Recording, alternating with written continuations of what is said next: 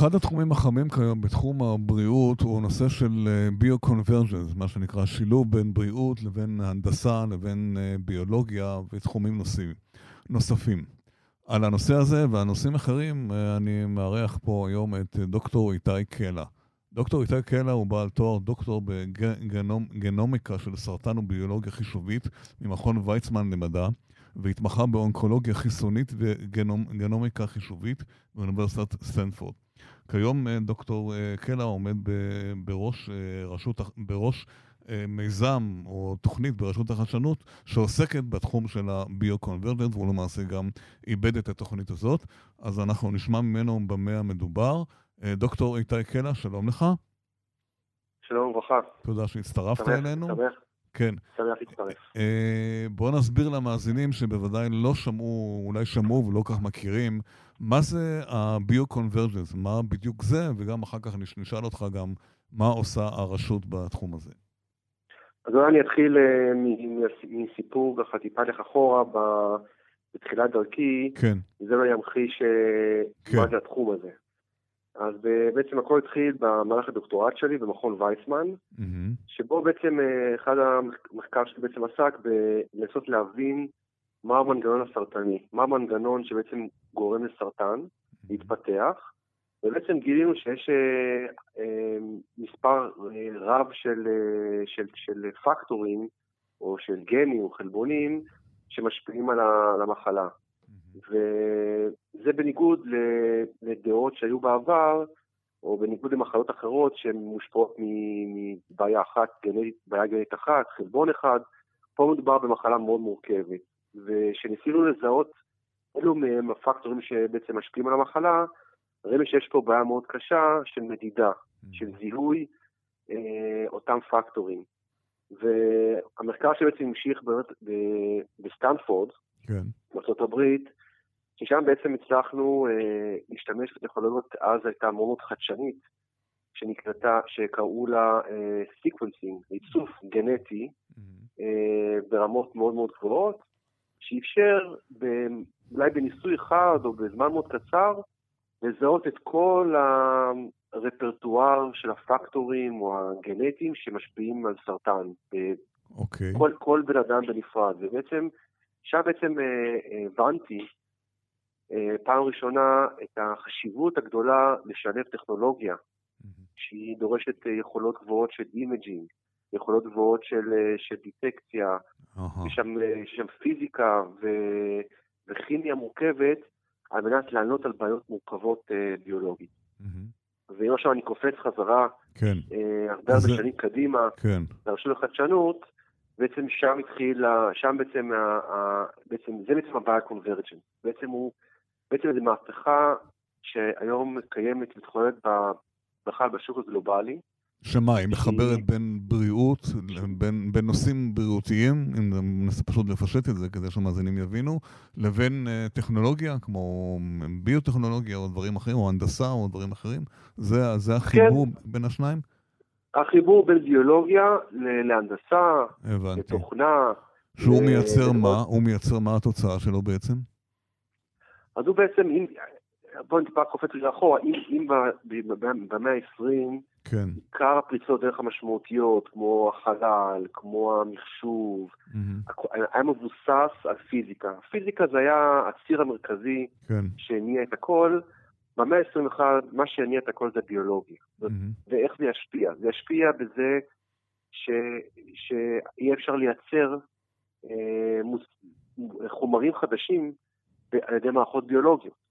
Mm-hmm. אפשר יהיה לייצר, אה, אה, אם, אם זה גם דברים, נתחיל מחומרים ביולוגיים אה, שיוכלו לעשות זיהוי מהיר של מחלות, וכלה בזה שאפשר בעצם לייצר גם, גם פלסטיק, גם ניילון, mm-hmm. גם יש היום מיקרואורגניזמים שיכולים לייצר אור, mm-hmm. ממש אור ללבוש, ללבוש, אפשר לייצר ביגוד, אפשר לייצר הרבה הרבה דברים על ידי מערכות ביולוגיות, אם מהנדסים אותם נכון, אם זה חיידקים, אם זה חומר, אה, אה, חיות שנקראות שמרים, mm-hmm.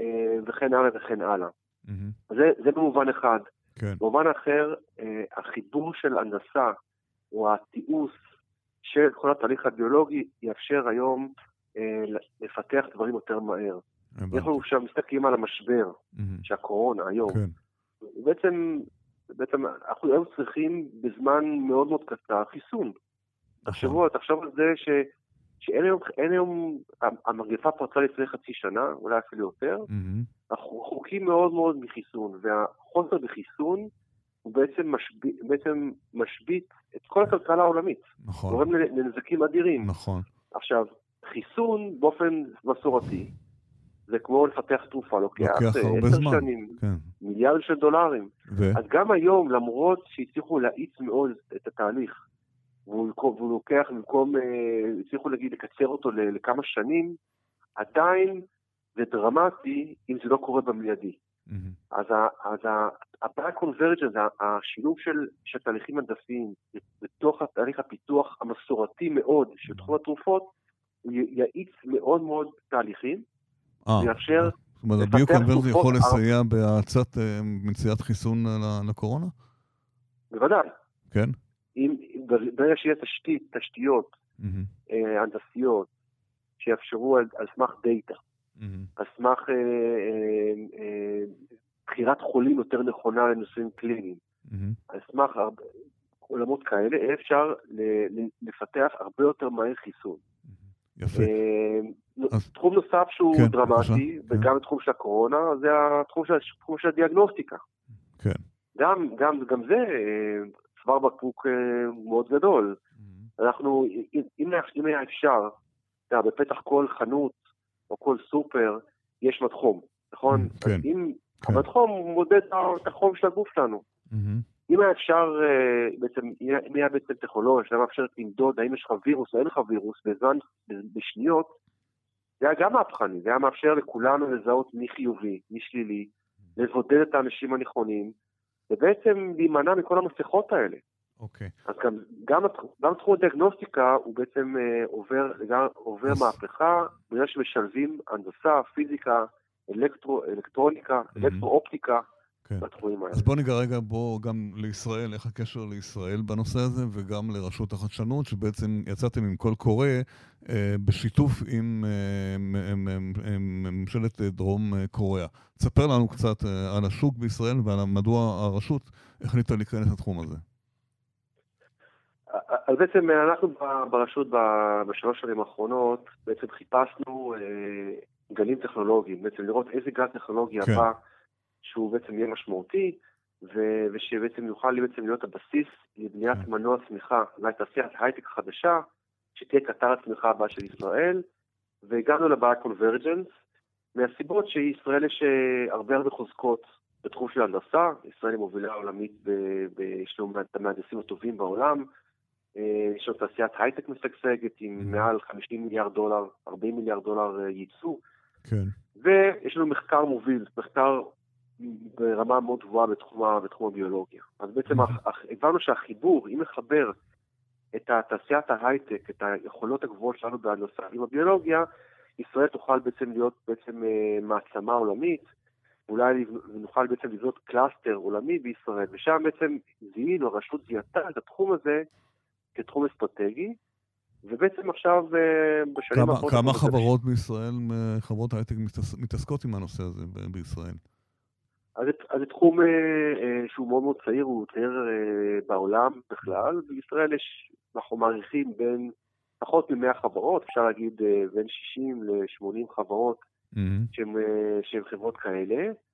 עיקר, עיקר ה seed, או עיקר הניצנים, ההתחלות נמצאות היום באקדמיה, mm-hmm. והאתגר הגדול הוא פשוט להבשיל אותם לחברות ולבנות בעצם סביבה, או מה שנקרא, קוראים לזה ecosystem, mm-hmm. שהוא יחבר את האקדמיה עם התעשייה, שיחבר את המהנדסים עם האתגרים הביולוגיים, אה, וכך לבנות, והחזון הוא שתוך עשר שנים נוכל, ישראל תבנה cluster מוביל עולמי, ש... שיהיה, שיהיה בעצם יהיה בסיס לתעשייה מאוד מאוד אה, כלכלית, עם ערך כלכלי מאוד גבוה. מה, מה תוכנית הפעולה של הרשות ומה זה שיתוף הפעולה הזה עם אה, דרום קוריאה? מה מהותו? למה דווקא איתם?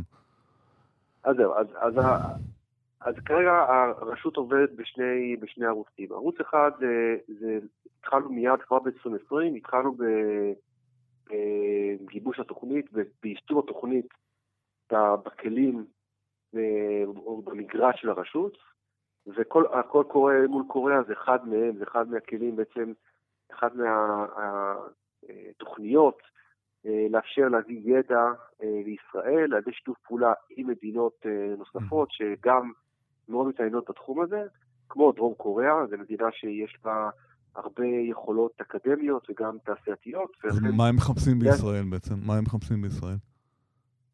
הם מחפשים את החדשנות הישראלית, מחפשים אה, אה, את המחקר המוביל בישראל, כן. ובקוריאה יכולה לתת יותר תעשיות אולי תעשייתיות, יותר, אה, יותר mm. סקלבילית, יכולות לעשות